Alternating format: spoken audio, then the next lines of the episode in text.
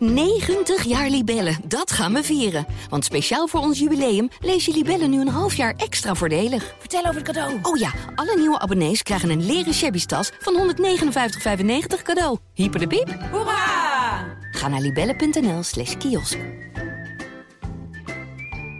Schaamte. Het ligt als een dikke deken over alle kut-issues heen. In latere afleveringen van de podcast zoomen we in en gaan we per onderwerp de diepte in. Maar in deze eerste komt alle kutschaamte aan bod.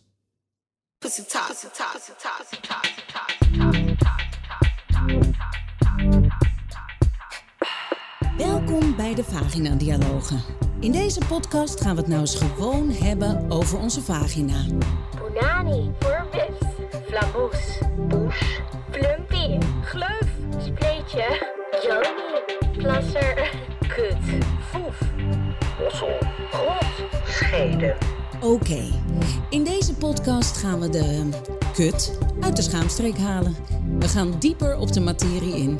Met elkaar, met experts, maar vooral met jou.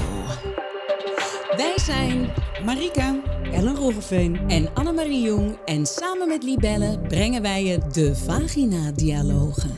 We zijn begonnen. Ik was mijn achternaam vergeten. Oh, en jij hebt juist een leuke achternaam. Ja, daar had ik ook nog helemaal nog nooit over nagedacht. Voorsluis. Oh. Hoe toepasselijk, Marieke. Weet je nog dat toen wij eh, creatief met kut maakten, eigenlijk eh, het start zijn voor deze podcast, ons boekje Ja. eh, waar we 101 verschillende do-it-yourself vagina's hebben geknutseld en gefotografeerd. Zeker. Toen kwam er heel veel reactie op jouw achternaam. En ik had er nog nooit over nagedacht dat voorsluis een verwijzing kan zijn naar een vagina. Maar ja, nou, sindsdien ik draag het met trots. Snap ik. Een voorsluisje. Je voorsluis. hey, als onze missie is om, eh, om ervoor te zorgen dat vrouwen gewoon meer naar hun kut gaan kijken, moeten we dan even naar onze eigen kut kijken. Dus dat we gewoon beginnen met de actuele kutstand. Hoe staat ze erbij vandaag? Lijkt me goed.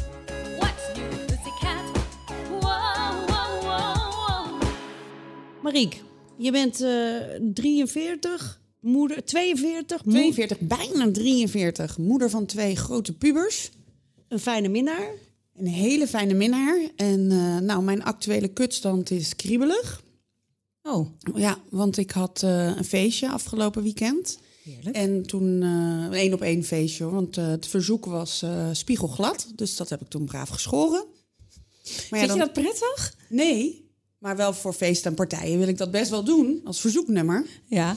Maar ja, het nadeel daarvan is dat het nu een paar dagen later dan eh, ja, kriebelig is. Dus ik heb nu zo'n egeltje. Oh ja. Dat is mijn actuele kutstand. en die van jou, Ellen? Die van mij. Die van mij is, hangt, daar hangt een bordje. Tijdelijk buiten gebruik. Oh, in verband met? In verband met de overgang. Oh, ja. Je zit er middenin, hè? Ik zit er middenin. Wat is de stand dan? De stand is Sahara. Ja, Het is droog en brandend. en door. En weinig actie. Ach, liever. Maar ik ga het allemaal uitzoeken. Dus eh, ik ga het meenemen in deze podcast. Ja. Wat kunnen we doen om het weer in beweging te krijgen? Annemarie, jij Ja. bent 44, gelukkig getrouwd en een Ik ben trotse... 45. Ja, ik zie eruit als 44, maar ik ben I echt wel know. 45 geworden onlangs. Och, dat is waar. Ja, en ik heb een dochter van acht. Precies. En eh, die van haar is nog eh, ja, helemaal eh, ja, on, on, onge- Ongeschonden. en, eh, en ook kaal, inderdaad. En die van mij ziet er volgens haar uit als een oude opa met één oog. Mama, ik vind jouw pony lelijk. Dat was eh, haar uitspraak deze week onder de douche.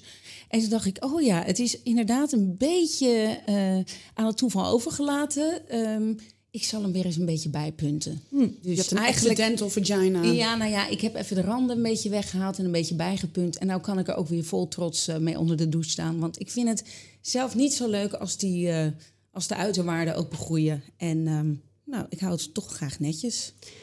Als je het hebt over je opvoed- opvoeden van je dochter, eh, hoe zorg je dat dat schaamteloos is? Ze heeft van nature een schaamteloosheid over zich. Maar dan weet ik niet of dat komt doordat wij gewoon open en bloot door het huis lopen. En eh, alles bij de naam noemen. Ik zeg trouwens geen kut hoor, tegen Nee? mijn dochter. Nee, ik noem het echt poenie. Ik vind dat een leuk woord. En het dekt voor ons de lading. Ze weet waar het voor dient, waar het om gaat. Ehm, ja, wat ze er nu mee gaat doen. Marieke, hoe noem jij er? Vagina of kut? Ja, ik ook. En dat heb ik mijn jongens ook zo geleerd. Dacht, dan eh, is er geen poespas. Ik heb altijd het idee dat hoe meer verkleinwoordjes en hoe poezeliger de woordjes zijn, hoe meer je probeert te verbergen. Het ergste is voorbips. Ja, Ja, dat is erg. Maar ik vind een poenie niet een, een, een, een, een verbergwoord. Misschien is het Begrijp voor ik. sommige mensen een eufemisme. Maar voor mij is het een, een leuk kinderwoord. Ik vind kut... Is hard. nog vind ik, nou ja, vind ik iets voor volwassenen. Eh, vagina is, het is wat het is, dat klopt. Dat zeg ik ook. Maar ik vind het leuker om te zeggen, was even je poen. Hè? nou ja, ook ja. tussen die randen, Ja. zeg ik dan. Nou, ik weet nog de, met, de, eh, met de boekpresentatie van eh, Creatief met Kut dat er een mevrouw naar me toe kwam. En eh, in dat boek staan natuurlijk staan 101 verschillende namen ook voor de vulva. En die zei dat ze er zo'n spijt van had dat ze er de jeugd van haar kinderen er steeds een ander woord voor had gebruikt, behalve vagina, kut of vulva. Waardoor ze nu het gevoel had dat ze dat alsnog moest rechtbreien, waardoor het awkward was. Dus ze dacht, als ik het nou van het begin af aan gewoon gedaan had, Ja. dan zit je later niet ik. met die lading. Oké. Is, is opvoeding bepalend voor de schaamte? Nou ja, dat denk ik wel. Want schaamte is uiteindelijk waarom we ook deze podcast zijn gaan maken. Door schaamte leer je niks. Door schaamte deel je niks. Durf je niks te delen. En ontstaan er mythes en eh, uiteindelijk ook ongezonde situaties. Waar schaam jij je voor? Ik schaam me voornamelijk voor het uiterlijk en soms voor de geur. Ja, ik ben soms bang dat in bepaalde fases. Ik heb inmiddels geleerd dat mijn vulva, want dat is eigenlijk de echte goede naam, hè jongens? Vulva, vulva. Vagina is de ingang, is de, is de buis naar de baarmoeder toe, zeg maar. En vulva is het geheel. Dat gezegd hebbende, ehm, schaam ik mij soms voor de vorm. Eh, voor het feit dat hij opgezwollen is af en toe. En dat wil ik dan niet, dat als ik per ongeluk mijn onderbroek ergens uitdoe... of als ik een vulva heb die groter is dan mijn bikinibroekje bijvoorbeeld. En ik ben soms bang in sommige fases dat, dat ik ruik. Jij, Marie? Ja, zeker geur. Oh, Ja, ja. daar ben ik altijd heel bang voor. Als, ik, eh, als mijn Ja. vagina kauwgom zou kunnen kauwen, dan eh, had ik het elk, elk moment heen ingeschoven. Maar ehm, daar ben ik heel bang voor. En eh, ja, zelfs wel echt bang voor. Ehm, ja. en ik schaam me voor de vorm. Maar dat is eigenlijk heel raar. Ik heb gewoon geleerd me te schamen voor het feit dat mijn ene schaamlip langer is dan de ander. Komt misschien omdat je ze nooit ziet van iemand anders. Want het blijkt dat iedereen dat heeft. Bleek later. Maar vroeger schaamde ik me echt ook voor vorm. Maar nu niet meer hoor. Dat heb ik nu al eh, door je- heel veel onderzoek geleerd dat dat gewoon heel normaal is. Maar het, is dus, het heeft dus te maken met wat je ziet en wat je weet. En als je geen kennis hebt, ja dan eh, Dus we moeten meer kijken. absoluut. En ook met elkaar erover hebben. Want dan blijkt dat dat heel normaal is.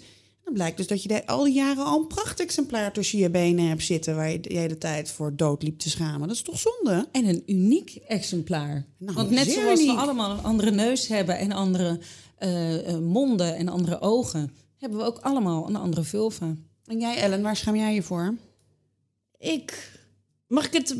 Ik, wil, ik, ik zal het uitleggen met een voorbeeld. Graag. Dus ik had eh, afgelopen zomer een brandende vagina. En ik had er heel erg veel last van. Elk stukje stof wat het me aanraakte, deed pijn. Dus ik wilde eigenlijk alleen nog maar open en bloot met mijn benen wijd blijven liggen.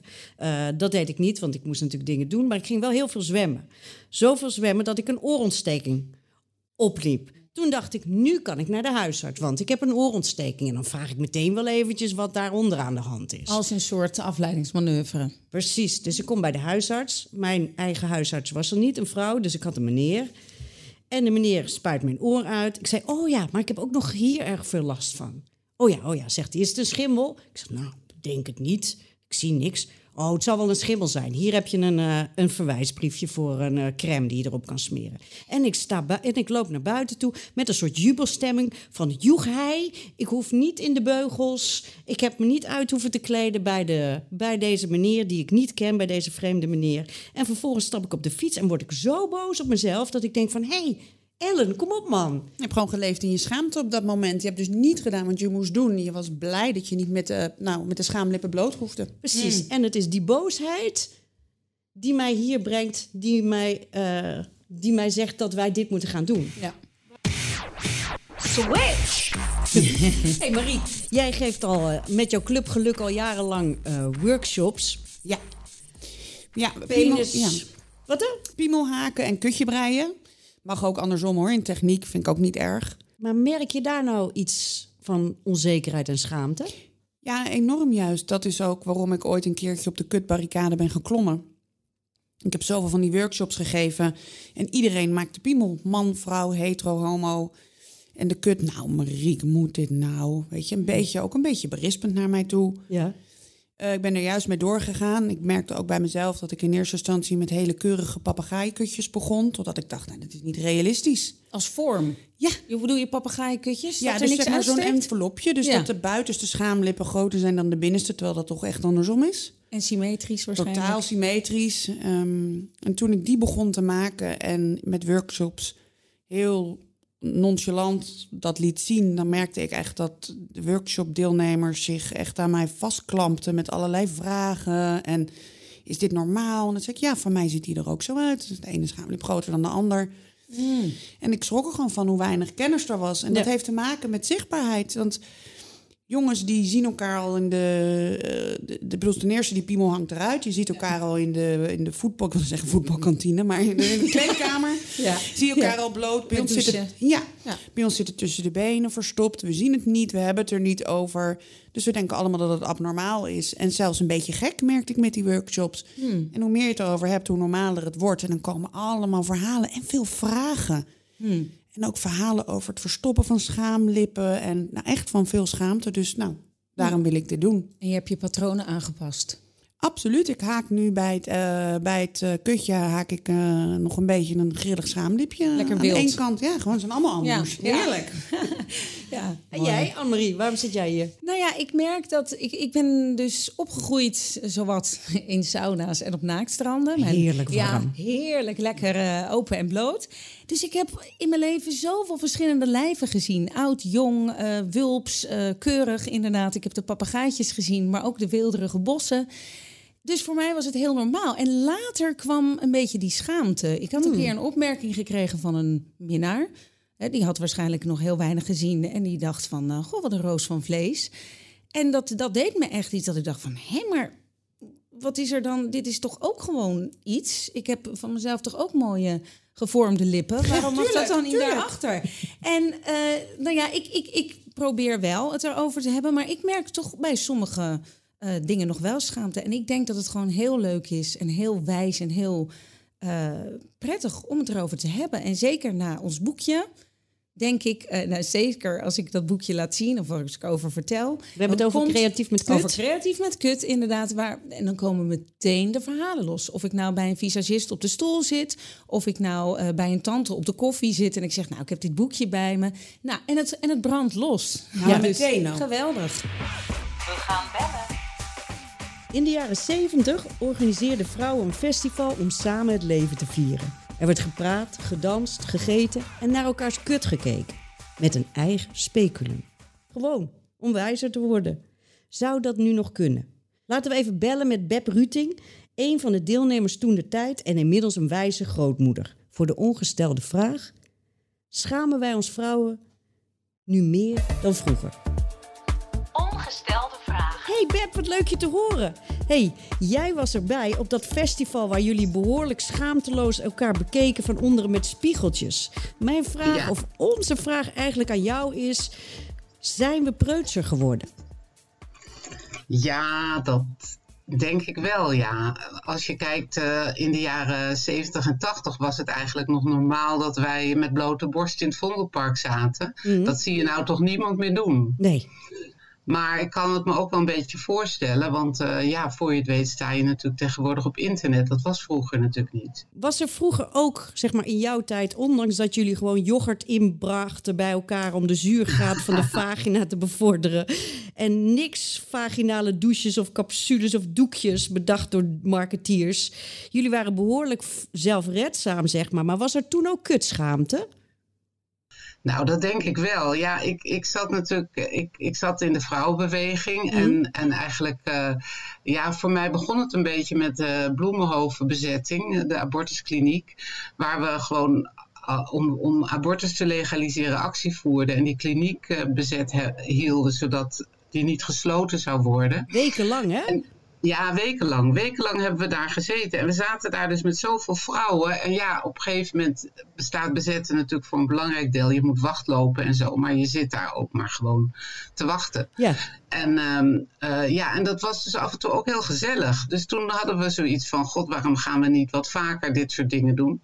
In die wachtkamer allemaal slaapzakken naast elkaar op een Ja. rijtje. Dat was heel gezellig. Dat was iets waarom gaan we van de zomer niet leuk kamperen met elkaar? Niet om actie te voeren, maar voor de lol. Ja. Nou, en toen zaten we op zo'n weiland in Friesland. In Foutgem hadden we een weiland van een boer gehuurd. Waar niets was. Ja. Dus eh, een paar tenten gehuurd. En, eh, Dus je zo'n plaste en tent. poepte naast elkaar? Ja, we maakten daar, we hadden zelf latrines gegraven en van die houten dingen erop gezet. En zonder gordijntjes of wat. Dus je zat gewoon in je blote kont naast elkaar te poepen. Zoals vroeger in de Romeinse tijd, eigenlijk. ja, precies. Er werd geconverseerd, er werd gedeeld. Heel gezellig eigenlijk. Nou, en als je dan zo met z'n allen lekker bloot in de zon zit, eh, dan krijg je vanzelf allerlei gesprekken over je lijf. En je ziet, die heeft kleine borsten en die heeft grote borsten en die heeft een dikke buik en die is heel mager. En je hebt het over dingen. En nou, en toen was dus op een gegeven moment iemand, ik weet niet wie ermee begonnen is, maar toen kwam dus iemand met zo'n plastic speculum aan van we kunnen ook gewoon eh, kijken bij elkaar. Ja. En, en dat je jezelf met een spiegeltje ziet. En eh, ja, dus dat, maar dat was natuurlijk wel ik bedoel, kutschaamte was er natuurlijk wel. En wij hebben in die groepen dat wel overwonnen. Maar het was natuurlijk, het, het was een voorhoede, denk ik. Het was niet zo dat alle vrouwen dat nou deden. Maar het was wel, we hebben ook bijvoorbeeld een kuttenfilm gemaakt. Echt waar? Ja, we maakten een, eh, een film van... ehm, waarin je dus alleen maar, eh, zeg maar, bovenbenen tot aan de navel dat gedeelte zag. Ja. bloot. En dan allemaal achter elkaar met een mooi muziekje eronder. en eh, nou, dat was hartstikke leuk. En Ja. die werd op een gegeven moment gedraaid op een, eh, op een filmdag in het Filmmuseum. Eh, met allerlei andere, want deze duurde niet zo lang, hij duurde misschien tien minuten of zo. Ja, tien minuten kutten kijken. Tien minuten kutten kijken. Maar, in de, maar met allerlei andere experimentele films. Ken je eigenlijk nog wel schaamte? Mm, ja, nou weet je wat zo grappig is? Ik zat Nou? erover na te denken, wat jullie thema is natuurlijk schaamte. En dat ik toen dacht van, volgens mij als je echt ergens over voor schaamt, dan praat je er niet over. Hmm. Want dan kan het, dus als je dat zegt, kan het het daglicht overdragen. Maar ik, ik, ik, de schaamte hangt heel erg af van situatie en van leeftijd toch ook wel. Ik bedoel, ik, ik vind het nu best wel een beetje gênant om me bijvoorbeeld uit te kleden voor de dokter. En eh, ja, ik ben 69, dus dan denk ik, toen ik 35 was, had ik daar toch veel minder moeite mee. Ja. En dan doe ik dat natuurlijk wel. En dan moet ik ook wel een beetje om mezelf lachen. Dus, eh, dus heel erg zwaar zit die schaamte niet. Maar Nee. ja, er komen steeds weer andere dingen. En, en ja, nu zou ik ook niet meer met blote borst in het Vondelpark gaan zitten, want dat doet niemand. Maar in de sauna of op het naaktstrand heb ik daar geen moeite mee. Dus het is ook afhankelijk van de situatie, denk ik. Dankjewel, Beb. De boekbespreking. Wij weten natuurlijk ook niet alles. En gelukkig verschijnen er een hele hoop boeken op het gebied van de vagina. Ann, jij leest je helemaal te pletter. Ja, ik heb eh, naast mijn eh, bed de Vagina-bijbel De liggen. vagina-bijbel. Ja, ik vind ook dat elk hotel dat in het nachtkastje moet hebben. Oh, want beter. dat is een schat aan informatie en aan ontkrachting van mythes. Eh Dr. Jen Gunter, Mhm. een Amerikaanse gynaecoloog en expert op het gebied van, van, van de vulva. die heeft een vagina-bijbel geschreven van 400 pagina's dik. En daarin kan je gewoon, je hoeft het niet van A tot Z te lezen. Nee, is je het kan een gewoon aanrader? ja, je kan gewoon openslaan op elke vraag die je hebt eigenlijk omtrent de vagina. En zo was ik ook wel benieuwd naar, hoe zit dat nou? Wat voor onderbroek moet je dragen? Ik heb altijd het idee, als ik een, een, een kanten slip aan Precies. heb... of iets wat niet van 100% katoen is... dat het dan ja, geen lucht krijgt of zo. Nou, dat is dus een fabel. Is een fabel. Nou ja, een vagina kan niet ademen. Een vulva heeft geen longen. Dus, eh dus zolang je geen... zit er zo in. Ja, maar Nou, zolang hè? je geen latex of, of, of afgesloten plastic draagt... Kijk, dat is natuurlijk voor geen enkel... is Ook niet voor je elleboog niet goed. leuk. Nee. Dan is er niks aan de hand. Een vagina kan tegen eh, ejaculaat. Een, een vagina kan baren. Een vagina kan zelfs eh, eh, ja, poep verdragen. Zo, en, en dan zou het niet tegen een, een niet-katoenen onderbroek kunnen? Zou het dan meteen vervallen in ellende en in, in schimmels? Nee. Dus Fijn. dat is één van de, van de mythes die ik heb, heb zien ontkracht worden. Nou, dan ga ik vanmiddag een mooi fluorroze kanten slipje bestellen. Oké. Ik ga denk ik gewoon commando dan. Ook Nee, lekker. Helemaal niks Laat nodig. het lekker luchten, meid. Oké dan. Ja, heerlijk boek. Switch. De tijd is rijp. Want waar schamen we ons nou eigenlijk voor? Toch? We schamen ons voor de vulva. Punt uit. Dat is een gegeven. Dat, dat komen we steeds weer tegen, die Ja. schaamte. Ja. Ik schaamde me eh, dat ik ongesteld was. En dat durfde ik niet te zeggen, maar ik moest wel schoolzwemmen. Dus zwom ik gewoon met maandverband in mijn zwempak. Ja, je schaamt je als je witte vlekken hebt in je ondergoed. Absoluut. En eh, ik schaamde me nadat ik twee kinderen had gebaard van bijna 10 pond. Want toen dacht ik, nou, als ik dat dus doe zonder dat ik uitgescheurd ben, dan heb ik dus een kut als een emmer. dus durfde ik dat weer niet te zeggen. Nee. Terwijl andere vriendinnen van me een kind er niet uitkregen en weer schaamden dat het te nauw was. Oh, oké. Ja, maar te nauw is wel het, eh, het ideaalbeeld, toch? Ja, dat denk Dat ik. denk maar ja, maar we kunnen Ja, gewoon lekker onder... nauw. Ja, maar Ja. weet je, ja, dat denk je. Hoe, hoe, hoe, hoe, groot is, hoe groot moet een piemel zijn en hoe diep moet een vagina zijn? mannen weten dat hè, van elkaar. Ik bedoel, die zijn ook trots. Die doen aftrekwedstrijdjes. Nou, ik zie mezelf echt geen vingerwedstrijdje doen straks na deze uitzending. Maar we hebben dus gewoon geen kennis.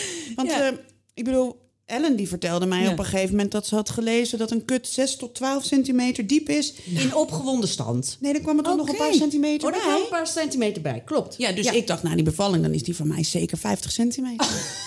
Oh, maar zullen we daar ook over kunnen bluffen? Ja, en is dat dan stoer? Ja, Dat ja. vraag ik me dus Ja. ook af. Het is gewoon zo'n vaag grijs gebied. Nou ja, ik, ik denk met al die schaamlipcorrecties, zoals we dat nu noemen, gewoon het afknippen van je scha- binnenste schaamlippen, dat het ideaalbeeld nu eigenlijk eh, ja, porno is. Dat is wat we nu zien, toch? Waar, waar zie je nou de meeste vulva's eigenlijk? Online, toch? Online. En, Ja. dan, en dan binnen een bepaald kader. Maar ja, laten we body positivity uitstralen. Zoals we nu onze vetrollen mogen laten zien, onze kleur, onze eh, sproeten. Ja, wie weet moeten we ook gewoon de variëteit in, in vulva's gewoon erkennen en dat bejubelen. Had jij enig idee hoe je kut eruit zag? Ja hoor, ik heb al vrij snel de spiegel erbij gepakt. Want ik weet van jullie dat jullie, eh, toch Ellen en Marieke, dat jullie dat pas later zijn gaan doen. Jij geloof ik na je bevalling, Bas. Toen dacht ik, ik moet eens even kijken hoe het nu erbij hangt. Nou, ik al maar veel pas eerder. daarna? Want dat is toch... Den... Nou ja, goed. Oké, ja. Nee, voor mij mag je. Ja, nee, nooit. Ja. Maar ik was niet, eh, niet geschokt, maar ik had wel een ander beeld ervan. Ik dacht inderdaad nog steeds, zoals de kut afgebeeld wordt... een heel keurig recht toerecht aan. Mm. Schattig, zacht roze envelopje en het was een wilde roos van vlees. En wat voor kleur? Ja, paarsig, donker, bruin, mauve. Ja, ja, ja. ja. Ja. En jij, Marie, wanneer ga jij kijken? Toen ik een jaar of 18, 19, 20 was... dat is ook eigenlijk de tijd dat ik voor het eerst pas begon met masturberen. Zo laat. Ja, dat deed ik dus helemaal niet. Want ik dacht, ja, Oh. ja, ik, ja, ik weet Wist je niet. wat het was? Ja, jawel. Mijn ouders maakten er wel eens grapjes over. En dat vond ik allemaal heel erg irritant. Je schoof het de hele tijd terzijde. Ja, en ik voelde me gewoon altijd een beetje... toen ik puber was, gewoon, gewoon niet sexy en niet mooi. En ik weet nog dat ik voor het eerst met mijn vriendje naar bed ging... dat ik ook zei, nee hoor, ik hoef geen orgasme... want dat hoeft een vrouw niet. Oké. Ik wist eigenlijk niet wat het was. Maar toen, eh, rond die tijd, had ik het met een vriendin over haar vagina. En die zei, nou, ik heb zo'n lelijke vagina... want mijn eh, ene schaamlip is groter dan de ander. Toen ging ik kijken en toen dacht ik, ja, dat heb ik ook. Dus dan heb ik dus ook een lelijke vagina. Totdat ik me later realiseerde, zoveel enthousiaste minnaars verder... dat dat helemaal niet lelijk was. Sterker nog, mooi. Ja. Dus welk perspectief Ja. bepaalt nou wat mooi of wat lelijk is? Ja. Ik, Ook heel interessant. maar ik durf het haast niet te zeggen, maar ik zeg het toch. Ik denk dat we in een, eh, ja, al heel lang, oh, dit is zo feministisch, in een door mannen gedomineerde samenleving eh, leven. Kutsgewijs ook. Ja, natuurlijk. Juist, geslachtsgewijs. Gewoon letterlijk het geslacht. De, de penis eh, viert hoogtijd. Daar moeten we trots op zijn. Het vallensymbool. En, en wij ja, zijn toch een beetje het ondergeschoven eh, kutje gebleven. Jawel. Wat, wat vonden jullie van die... eh, Er die- zijn wel, er zijn wel eh, pieken en dalen in de geschiedenis. In de jaren 60, 70 werd het waarschijnlijk weer gevierd. En daarna is het weer gekelderd. Hey, maar wat vonden jullie van, dan inderdaad daarop inhakend, Ja. wat vonden jullie van die strip die in Denemarken is gelanceerd met die piemel in de hoofdrol? Oh ja, is Daar kan een, ik dus heel erg boos om worden. Nee, dat ja? ik denk, hoezo, is de Hoezo? penis nou een superheld? Oh, vandaar. Ja, ja, ja. Jij ziet gewoon liever een, een vliegende schaamlip voor je. Een vliegende schaamlip. Bijvoorbeeld. Een vliegend vulvaartje als, als supervrouw. Als supervrouw. Maar, dat- maar je bedoelt, je, je wil niet dat het ene wel wordt ehm, ja, ge- Gevierd. gevierd en het andere niet. Dat, je ziet de, gelijk de ongelijkheid. Ik zie er, ik bedoel, dat, dat zou ons misschien uit de schaamte halen. Maar het dat, kan een begin zijn. Nee, ik geloof echt dat de schaamte niet... Ik geloof gewoon niet dat het door mannen komt. Ik geloof Nee. dat het eh, door ons heteroseksuele vrouwen wordt ehm, aangemoedigd. Ik heb nog nooit een man in bed gehad die mijn kut niet leuk vond.